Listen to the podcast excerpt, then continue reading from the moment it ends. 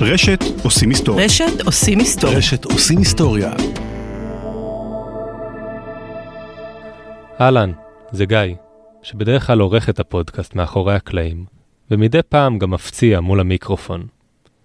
הפרק היום מוגש כשירות לציבור מטעם חברת סנופי, ויעסוק במחלות גנטיות שאופייניות במיוחד אצל אשכנזים שכמוני.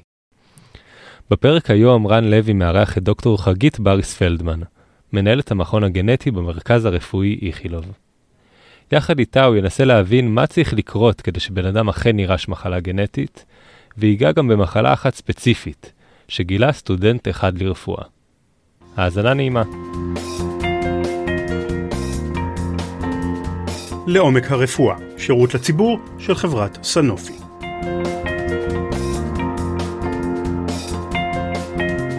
והפעם על אשכנזים ומחלות הייחודיות להם.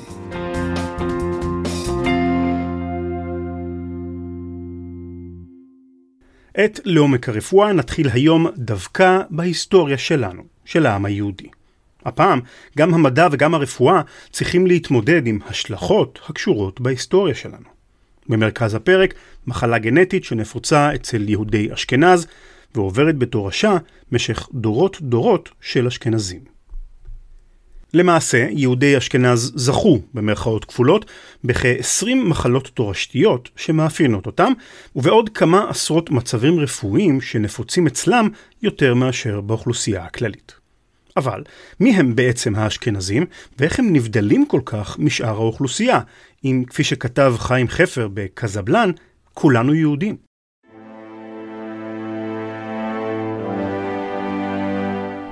אחרי ימי שלטונו של שלמה המלך התפצלה ממלכתו לשתי ישויות, ממלכת ישראל בצפון וממלכת יהודה בדרום. ב-722 לפני הספירה, ממלכת אשור כבשה את ממלכת ישראל והגלתה את עשרת השבטים שבה. 120 שנה מאוחר יותר הגלו הבבלים את תושבי ממלכת יהודה. חלקם חזרו ליהודה בעקבות הכרזתו המפורסמת של כורש, מלך פרס, אבל המרד הגדול נגד הרומאים במאה הראשונה לספירה ומרד בר כוכבא שאחריו הסתיימו בהגליה מסיבית של מעט היהודים שעוד נותרו בארץ ישראל. היהודי הנודד נולד.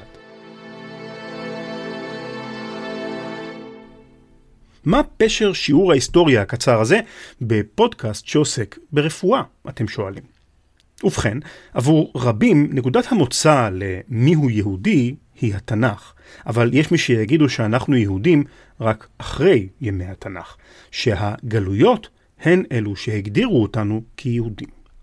בני דת משה התפרסו ונפוצו לכל עבר, ובמרוצת המאות המשיכו לקיים את המצוות והפולחנים השונים. אט אט החלו נוצרות קהילות מובחנות, והפולחנים קיבלו גם מאפיינים מקומיים, כמו נוסחי תפילה שונים וכדומה. אבל לא רק האופן החיצוני של היהדות תפס צורה מעט שונה ממקום למקום. משהו עמוק יותר, ברמה הכי בסיסית של האדם, החל משתנה גם הוא. אמנם כולנו יהודים, אבל החיים בקהילות ההדוקות והמבודדות זו מזו הביאו עם הזמן להיווצרותם של הבדלים גנטיים מובהקים בין היהודים הגולים במקומות שונים בעולם. ומבין כל הקהילות היהודיות השונות, האשכנזים הם ככל הנראה בעלי השונות הגנטית המובהקת ביותר. זאת מכיוון שעל פי מחקר שנערך באוניברסיטת קולומביה בשנת 2014, העדה האשכנזית נולדה במרכאות מתוך קבוצה של כ-350 איש בלבד, שחיו באזור עמק הריין שבגרמניה לפני כ-800 שנים. צוואר הבקבוק הגנטי הזה, כפי שמכנים אותו לפעמים, הוא זה שאחראי לייחודיות הגנטית של מיליוני האשכנזים בימינו. וגם, למרבה הצער, למחלות הגנטיות הייחודיות שהאשכנזים נושאים בשכיחות גבוהה באופן מובהק יחסית לקבוצות אוכלוסייה מובחנות אחרות. למשל, אחד מכל 47 יהודים ממוצא מצרי או תימני הוא נשא של מחלת הסיסטיק פיברוזיס. אצל האשכנזים לעומת זאת, שיעור הנשאות הוא אחד מכל 25 אנשים. את הטייזקס נושא אחד מכל 25 אשכנזים, לעומת אחד מכל 100 ממוצא מרוקאי.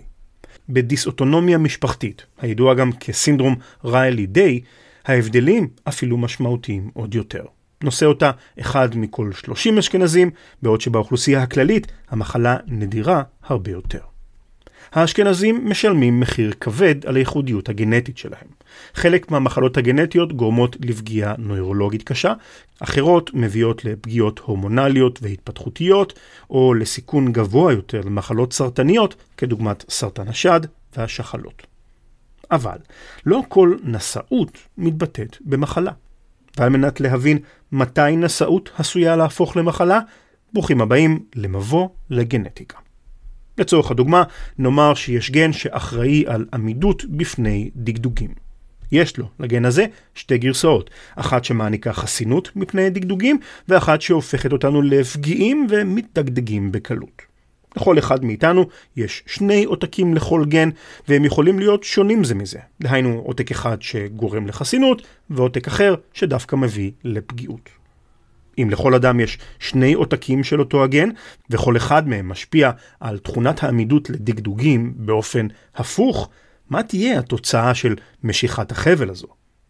התשובה היא שלרוב הגנים יש שתי צורות, צורה רצסיבית, רדומה, ודומיננטית, שולטת.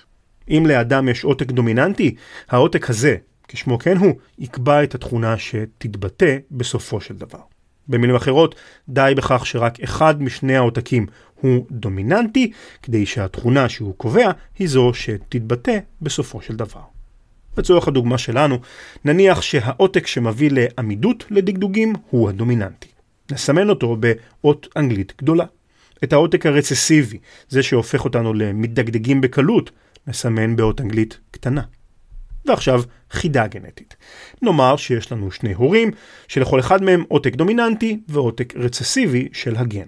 דהיינו, הגנים של האבא הם A גדולה ו-A קטנה, והגנים של האימא הם B גדולה ו-B קטנה. מה תהיה התכונה שיעבירו ההורים אל הצאצא שלהם? כזכור, כל הורה מעביר לילדו עותק אחד מתוך שני העותקים של אותו הגן. איזה עותק בדיוק?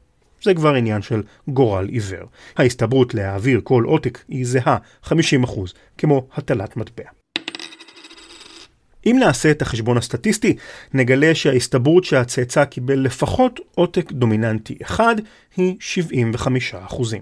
במילים אחרות, שלושה מכל ארבעה צאצאים של אותם הורים בממוצע יזכו ליהנות מחסינות מפני דגדוגים.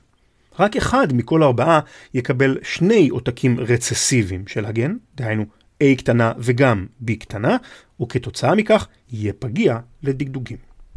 אבל, וזה אבל חשוב, זכרו שגם הצאצאים שזכו בחסינות מפני דגדוגים, עדיין עשויים להכיל ב-DNA שלהם עותק שגורם לפגיעות. ליתר דיוק, לשניים מתוך שלושת הצאצאים החסינים יש עותק כזה ב-DNA שלהם. העותק הזה הוא כאמור רצסיבי, אות אנגלית קטנה בהסבר שלנו, ולכן הוא מתחבא מאחורי העותק הדומיננטי ולא בא לידי ביטוי בפועל. אבל הוא שם, בתוך ה-DNA. ואם הוא שם, הצאצאים יכולים בהחלט להעביר אותו לילדים שלהם בעתיד. כך מסוגלת תכונה גנטית כלשהי להמשיך לעבור בתורשה מדור לדור, גם אם היא לא באה לידי ביטוי בצורה חיצונית, כמו למשל ילד בעל עיניים כחולות שנולד לשני הורים בעלי עיניים חומות. אני לא יודע אם מצאו, או אפילו אם מישהו טרח לחפש, את הגן המתדגדג. עם זאת, חקרו וחיפשו ומצאו אלפי גנים נוספים, ובייחוד את אלו שהם מחוללי מחלות קשות שעוברות בתורשה. יש מחלות שנובעות מעותקים דומיננטיים, דהיינו, כדי שהאדם ילקה בהן, די בכך שרק אחד מההורים ניחן בגן הפגום ויעביר אותו לצאצא. מחלת הדיסטוניה הכללית, שהחולים בה סובלים מעוויתות ומתנועות שרירים בלתי רצוניות, היא מחלה דומיננטית שכזו. מחלות אחרות הן מחלות רצסיביות, דהיינו כדי שהאדם ילקה בהן, עליו לקבל שני עותקים רצסיביים שלה מהוריו. למשל, מחלת פנקוני, אנמיה מסוג C, שהחולים בה סובלים מתת ייצור של כל סוגי תאי הדם, ולרוב אינם מוציאים את שנתם השלושים. במקרה של פנקוני, שני ההורים צריכים לשאת את הגן הפגום כדי שילדם ילקה בה. עוד מחלה רצסיבית שכזאת, שהנשאות לה בקרב אשכנזים עומדת על אחד מתוך כעשרה, היא מחלת גושה. וכשתחפשו מידע עליה, בחלק הראשון של התיאור ייכתב מהו המנגנון הפועל בה. גושה, כך נכתב, היא מחלת אגירה ליזוזומלית, מטבולית, תורשתית, אוטוזומלית, רצסיבית. Hmm. על מנת להבין מה בדיוק נאמר בחלקו הראשון של המשפט הזה, ביקשנו מדוקטור חגית בריס פלדמן, מנהלת המכון הגנטי במרכז הרפואי תל אביב איכילוב, להסביר. כשחולים אה, שומעים, חולי גושה שומעים את המשפט מחלת הגירה ליזוזומלית, מטבולית, תורשתית, אוטוזומלית, רצסיבית, זה באמת נשמע כמו אה, גבב של מילים חסרי כל פשר. אז בואו ננסה להבין במה מדובר. מחלת הגירה זה אומר שיש לנו חומר שנאגר, הולך ומצטבר בגוף. ליזוזומלית זה המיקום, העברון בתוך התא, שבו החומר הולך ומצטבר. ליזוזום הוא עברון שנועד לפרק חומרים. חומרים נכנסים פנימה, עוברים פירוק, יוצאים החוצה או בשביל מחזור, או כדי שהגוף יוכל להתפטר מהם. מחלה מטבולית היא מחלה שבה אחד התהליכים אה, החיוניים בגוף שלנו לא עובד בצורה נאותה, ויש שם איזשהו חסם. תורשתית, אוטוזומלית רצסיבית, זה אומר שיש לנו שני הורים נשאים בריאים, שלהם יש סיכון של 25% ללידת ילד חולה במחלת גושה בכל הריון.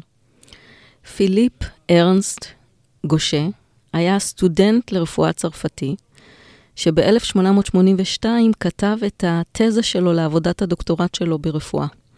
התזה עסקה באישה שהיה לה הגדלה מסיבית של הטחול, והוא חשב שהיא סובלת מגידול, הוא קרא לזה אפיטליומה של הטחול. בעבודת הדוקטורט שלו, אותה הקדיש לאביו ולזכרם של אמו ושל דודו, שנשא אף הוא את השם פיליפ גושה, הוא תיאר מצב מאוד מוזר. הייתה לו חולה עם טחול עצום בגודלו, כבד ענקי, ושני האיברים יחדיו, הוא כתב, חצו את הגבולות הטבעיים שלהם וירדו במרכאות בכיוונם אל עבר אזור הטבור והאגן. אחרי שהחולה נפטרה, הוא לקח את הכבד שלה והסתכל על התאים בפתולוגיה, וממש רואים את הציורים שלו, של התאים, ציורים ביד, אנחנו מדברים על המאה ה-19, של תאי הטחול שלה, שמלאים באותו חומר. שנים אחר כך אה, הבינו שזו הייתה החולה הראשונה עם מחלת גושה שתוארה, ולכן נתנו לו את הקרדיט וקראו לה מחלה על שמו. אז מה בעצם קורה שם? מה משתבש במחלת גושה? הגוף שלנו היא מכונה של אה, ממחזרת כל הזמן חומרים. תאים מתפרקים ונבנים מחדש. בממברנה של התא יש לנו חומר שנקרא גלוקוצרברוזיד, מורכב מגלוקו, שזה הגלוקוז, הסוכר, וצרברוזיד זה החלק השומני, וכשהם מחוברים ביחד לחומר הזה, הם מהווים חלק מהממברנה של התא. כשהגוף מפרק את התאים, גלוקו זה החלק של הגלוקוז, של הסוכר, אפשר להשתמש בו או להרכבת חומרים אחרים או לאנרגיה, והחלק של הצרמיד, אותו שייר שומני, אנחנו יכולים או להיפטר ממנו, פשוט כפסולת של הגוף, או להשתמש בו לייצור אנרגיה, בתור שומן שמייצר אנרגיה, או שוב להרכיב אותו עם עוד שייר של גלוקוז כדי ליצור את אותו חומר להרכבת אה, ממברנה של תאים אחרים. כאשר האנזים שמפרק את הגלוקוצרברוזיד לא עובד כמו שצריך בגוף, כמו שקורה במחלת גושה, אה, בעצם הגלוקוצרברוזיד שהולך ומצטבר בגוף, במקום שהוא יעבור מחזור וישמש אותנו למטרות אחרות, אנחנו בעצם רואים איזשהו אתר פסולת, מטמנה, שהולכת ומצטברת, והאזורים שהוא מצטבר בהם הם בכבד, בטחול ובמח העצם. ומפני שכל איבר אחראי על תפקוד אחר, ההצטברות הזהה של החומר הזה מתבטאת באופנים שונים לחלוטין. הנזק בכבד הוא בדרך כלל לא מאוד גדול, פשוט יש לנו כבד גדול. ההגדלה של הטחול יכולה לגרום באופן משני להרס של תאי דם, כי אחד התפקידים של הטחול הוא להוציא מהמחזור את כל תאי הדם הזקנים שצריכים uh, לעבור פירוק. וכאשר הוא גדול מדי, הוא פשוט עושה עבודה יותר מדי טובה, וגורם להרס של תאי דם תקינים. ומשנית לכך יש לנו אנמיה, ירידה בהמוגלובין, וירידה בתסיות, טרומבוציטופניה. זה יכול להתבטא גם בהרגשת חולשה, בגלל האנמיה, וגם במכות כחולות בגוף או בדימומים מהחניכיים או מהאף, בגלל החסר של התסיות. החולה יכול לראות תסמינים שעל פניו לא נראים קשורים אחד לשני. ורוב חולי הגושה, זו הדרך שבה הם מתייצגים. ירידה בספירות הדם, הגדלה של כבד וטחול. הסוג הזה של הגושה, אנחנו קוראים לו סוג אחד, הוא הסוג שנחשב הקל ביותר והנפוץ ביותר בעולם. אם בעולם מדברים על שכיחות של 1 ל-50 אלף, אצלנו בארץ מדברים על שכיחות באשכנזים של 1 ל-850, כך שבישראל ובמקומות בעולם שבהם ישנם יהודים אשכנזים, המחלה הרבה יותר נפוצה מאשר במקומות אחרים בעולם. לאשכנזים יש הרבה נשאויות למחלות רצסיביות, אחת המחשבות לסיבה שהאשכנזים אה, נשאים לכל כך הרבה מחלות אה, גנטיות רצסיביות, היא שזה נתן איזשהו יתרון אבולוציוני לאורך הדורות. המחשבה היא שבימי הביניים, כשמחלת הכולרה הכתה והרגה המונים, נשאות למחלת ציסטיק פיברוזיס נתנה יתרון הישרדותי, ולכן הנשאים שרדו, ואילו אלו שלא היו נשאים נפטרו. מה היתרון האבולוציוני של מחלת הגושה, אנחנו עוד לא יודעים, אבל אנחנו נשמח לשמוע. מחלת הגושה כוללת בתוכה שלושה סוגים. הסוג האחד והשכיח ביותר הוא הסוג שעליו דיברנו, שיש בו הגדלה של הכבד והטחול, ירידה בשורות הדם, אנמיה, ירידה בהמוגלובין וירידה בתסיות. אמנם זה הסוג הקל ביותר, אבל אסור לשכוח שיש חולים עם מחלה שמתבטאת באופן יותר חמור בעצמות, ועליהם אנחנו צריכים לשים פוקוס מיוחד ולאבחן אותם בגיל צעיר כדי למנוע סיבוכים בלתי הפיכים. ככל שהעצמות הולכות וצוברות יותר ויותר חומר, הן נהיות יותר חלשות, כי במקום שהן יהיו מלאות uh, סידן והחומר התקין של העצם, הן מתמלאות באותו גלוקוצרברוזיד, אז הן גם חלשות והן יכולות להישבר. הן יכולות לעבור מה שנקרא משבר עצמות חריף. אני מדמה את זה להתקף לב, שבהתקף לב הלב לא מקבל מספיק דם, לא מקבל חמצן, ככה גם העצם, במצב שהיא מלאה חומר אגירה, היא יכולה שלא לקבל מספיק דם, מספיק חמצן, ולעבור התקף עצמות חריף, שהוא כאב, בעצם משנית לו יש כאבים מאוד מאוד עזים. ובעקבותיהם גם יכולים להיות סיבוכים, נזקים בלתי הפיכים, העצם כבר לא תהיה חלקה כמו שהיא צריכה להיות, המפרק יהיה לא תקין. דוגמה אחרת יכולה להיות תמת של חוליות. יש לי uh, מטופלת שבעידן של טרום הטיפול, נסעה עם בעלה בנגב בגיל 35 אה, בטיול ג'יפים, ובאחת הקפיצות בנסיעה בג'יפ היא שמעה ולמחרת בבוקר היא קמה עם גיבנת מאוד משמעותית שנבעה מתמת של החוליות בעמוד השדרה. כך שמצד אחד בחולים מסוג אחד יכולה להיות מחלה מאוד קלה, רק של אנמיה וירידה בתעשיות עם מכות כחולות, ומצד שני יכולים להיות חולים עם מחלה הרבה יותר משמעותית ונזקים בלתי הפיכים בעצמות. על אף העובדה שמדובר במחלה נדירה, אני מניח שאם כבר יצא למישהו מהמאזינים או המאזינות לשמוע עליה, הם לא כל כך מבינים על מה אנחנו מדברים.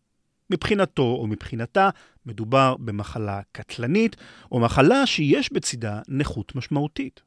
הם ודאי מכירים את הסוגים הנוספים של המחלה, גושה מסוג 2 ומסוג 3. הסוגים היותר נדירים והיותר קשים של מחלת הגושה, אנחנו מדברים על שכיחות של משהו כמו 1 ל-50 אלף עד 1 ל-100 אלף חולים בעולם, הם סוגים 2 ו-3.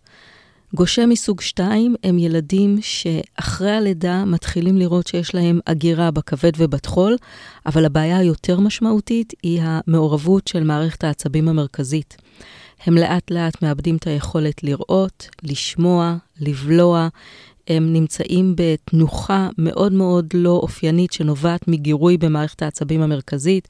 הם בוכים. לא בכי של תינוק רגיל, אלא בכי שהוא גם בגלל המעורבות המוחית, ונפטרים בגילאי שנתיים במצב מאוד קשה.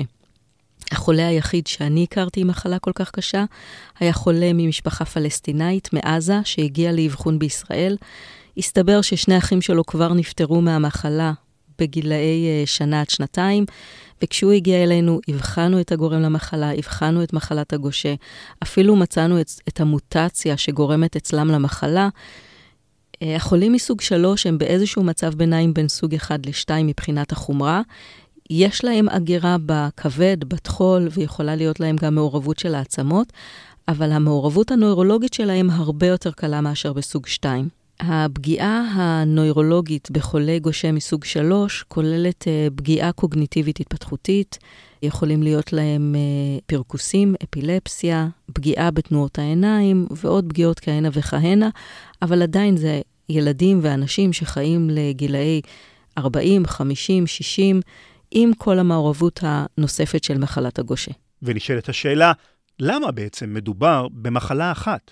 אם השוני בין התופעות הוא כל כך נרחב, למה לשים הכל תחת מטריה אחת? מכיוון שהגורם למחלת הגושה הוא אחד, פגם בפעילות של אנזים, כל צורות הגושה נקראות גושה.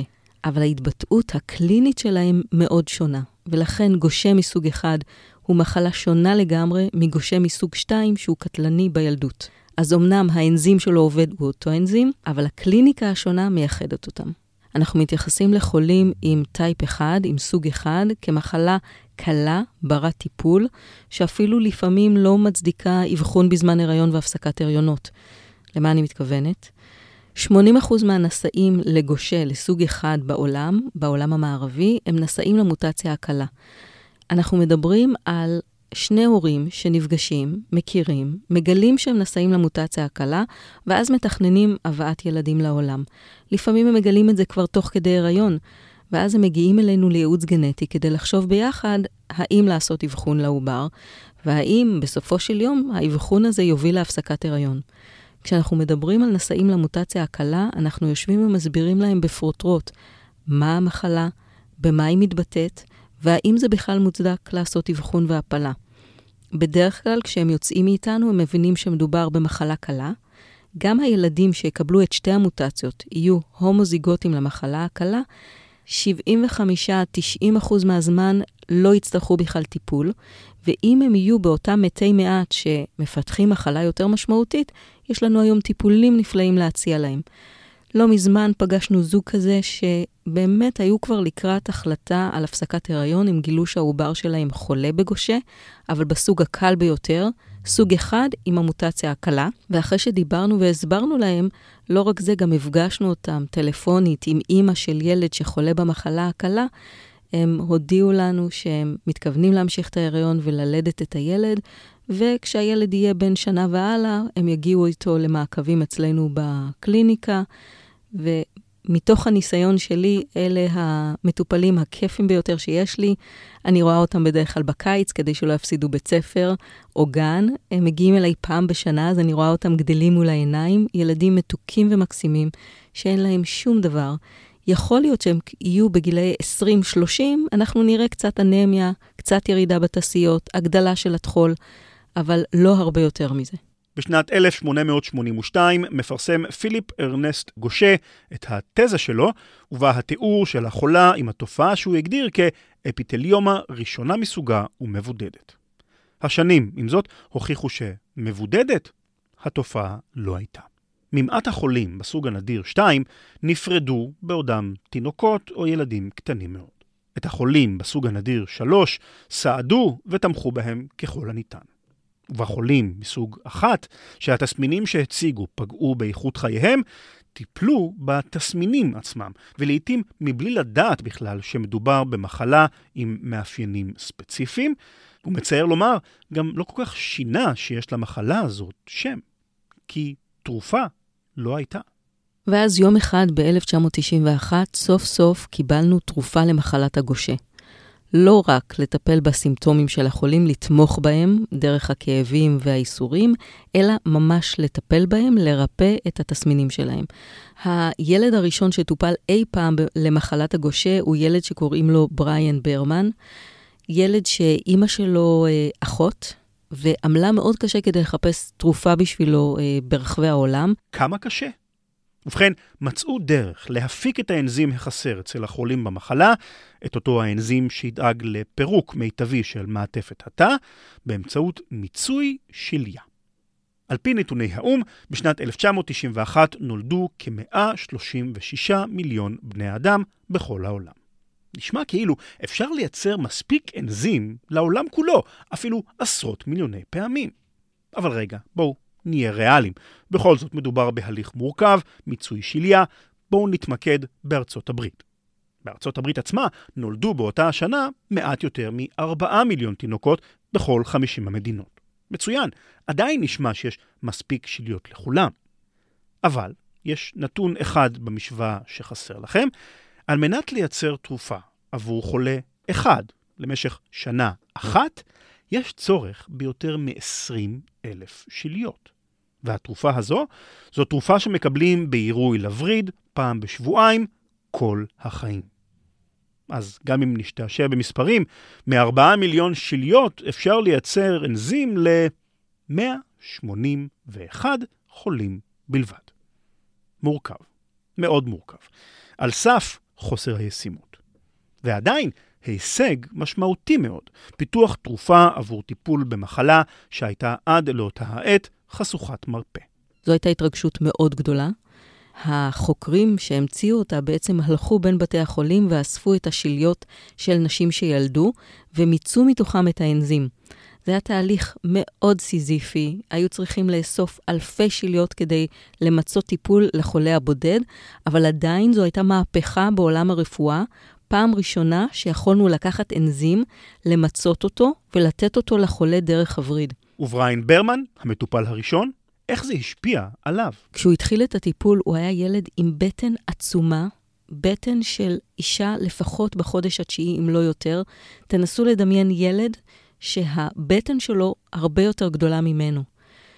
ובשלב הזה, האימא הביאה אותו ל-NIH לקבל את הטיפול הראשון במחלת גושה מאותו מיצוי שליות. עשרים שנים אחר כך, הילד הזה נמצא במקום אחר לגמרי, נשוי, אבא לשלושה ילדים, מנהל חיים תקינים לחלוטין. כך שזה מהווה את ספינת הדגל של הטיפול במחלות מטבוליות, התרופה הראשונה שנוצרה ובאמת שינתה לנו את פני הטיפול הרפואי. אז הישג מדעי משנה חיים, כבר הבנו, אבל איך הופכים את הדבר הזה למשהו נגיש יותר? בהמשך, בגלל הקושי הכל כך משמעותי בלמצות את האנזים מאלפי שליות, הטכנולוגיה שאפשרה לנו לייצר את האנזים בצורה מלאכותית סינתטית היא ללמד תאים מצורות שונות לייצר את אותו אנזים בצורה מלאכותית. למה הכוונה? אפשר ללמד תאי חיה, תאי אדם או אפילו תאי צמח לייצר את האנזים בכמויות משמעותיות.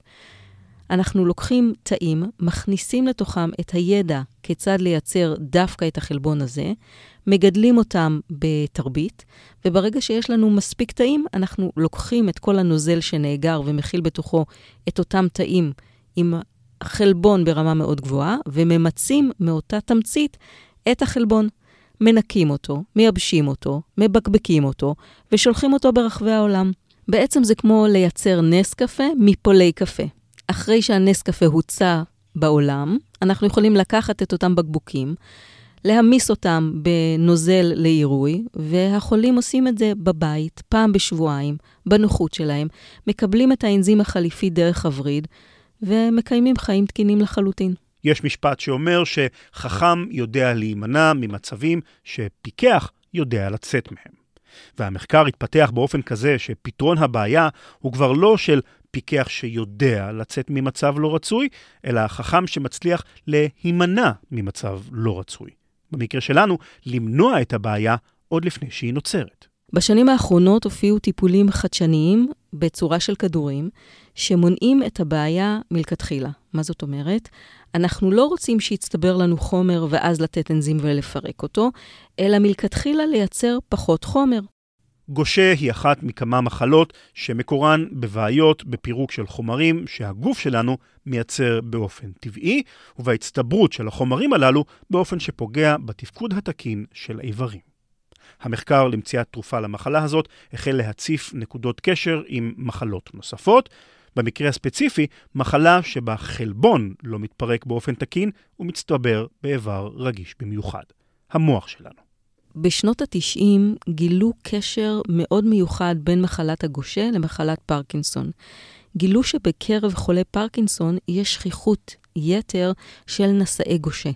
זאת אומרת, אותם נשאים שיש להם עותק אחד תקין של הגן ועותק אחד עם מוטציה, הם בסיכון יתר קל לפתח פרקינסון. בחולי פרקינסון יש חוסר איזון ברמה של הגלוקוצרברוזיד. זאת אומרת, גם בחולי פרקינסון, נשאי גושה, וגם בחולי פרקינסון שאינם נשאי גושה, מוצאים שיש הפרעה במסלול של הגלוקוצרברוזידז, אותו אנזים שאמור לפרק את הגלוקוצרברוזיד.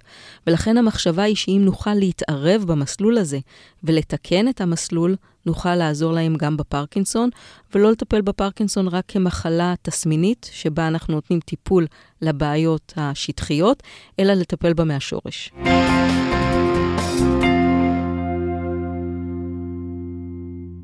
כשדוקטור חגית בריס פלדמן מתבקשת לומר במילה אחת מהו הדבר החשוב ביותר שצריך לדעת בנוגע למחלת הגושה, היא אומרת... מודעות, מודעות, מודעות. אוקיי, אז בשלוש מילים. אם אנחנו נכיר את התחושות של החולה, והרופאים יכירו את התסמינים, אנחנו נוכל לאבחן את החולים בשלב מאוד מוקדם של המחלה, ולהציע להם טיפולים אפקטיביים לפני שיש נזקים בלתי הפיכים. בהחלט יש תת-אבחון. אנחנו מעריכים שבישראל יש כשני מיליון אשכנזים, זאת אומרת צריכים להיות כ-2,500 חולים. אנחנו לא מכירים אותם, אנחנו מכירים רק כאלף חולים בלבד. כל הזמן מגיעים למעקב שלי חולים ששנים סבלו מבעיות ואף אחד לא ידע שיש להם מחלת גושה. מדובר על אדם בן 84 ששנים מסתובב בין ההמטולוגים עם טחול מוגדל ואנמיה וירידה בתסיות, ואף אחד לא חשב שיש לו מחלת הגושה עד שהוא לא נפל על המטולוגית מבריקה שידעה לחשוב על ההבחנה ולאבחן אותו בקלות. מטופלת אחרת שהגיעה אליי בהיריון ראשון, אובחנה במסגרת בדיקות הסקר של האשכנזים, ואמרה לי ששנים אמרו לה שאין לה מחלת הגושה, למרות שהיה לה טחול גדול ותסיות נמוכות. תסמינים קלאסיים של מחלת הגושה. והיום במאה ה-21, כשיש לי כל כך הרבה אופציות טיפוליות, אנחנו לא יכולים להיות שם. אנחנו חייבים לטפל בהם מוקדם, לאבחן את החולים, לטפל בהם מוקדם, ולאפשר להם חיים תקינים לחלוטין. אנחנו חותמים פרק נוסף של לעומק הרפואה, שירות לציבור של חברת סנופי. דוקטור חגית בריס פלדמן, מנהלת המכון הגנטי במרכז הרפואי תל אביב איכילוב, התארחה ודיברה על מחלת ההגירה הליזוזומלית, מטבולית, תורשתית, אוטוזומלית, רצסיבית. ובקצרה, גושה. ורגע לפני שניפרד, זוכרים את אותה אישה צעירה בשנות ה-30 לחייה, שבמהלך נסיעה במדבר שמעה מהן קנק בגבה, והתעוררה למחרת עם גיבנת? אז אותה בחורה בת 35 עם הנזק בעצמות, עם אותה אה, גיבנת קשה, 20 שנים אחר כך היא מטופלת באנזים חליפי שמאפשר לה לנהל חיים מלאים ותקינים. היא אימא לילדים, היא הולכת פעמיים בשבוע לריקודי עם. אמנם אותה גיבנת נותרה בעינה, הנזק הבלתי הפיך לא יכול להשתפר, אבל זה לא מפריע לה לנהל חיים מלאים ומאושרים.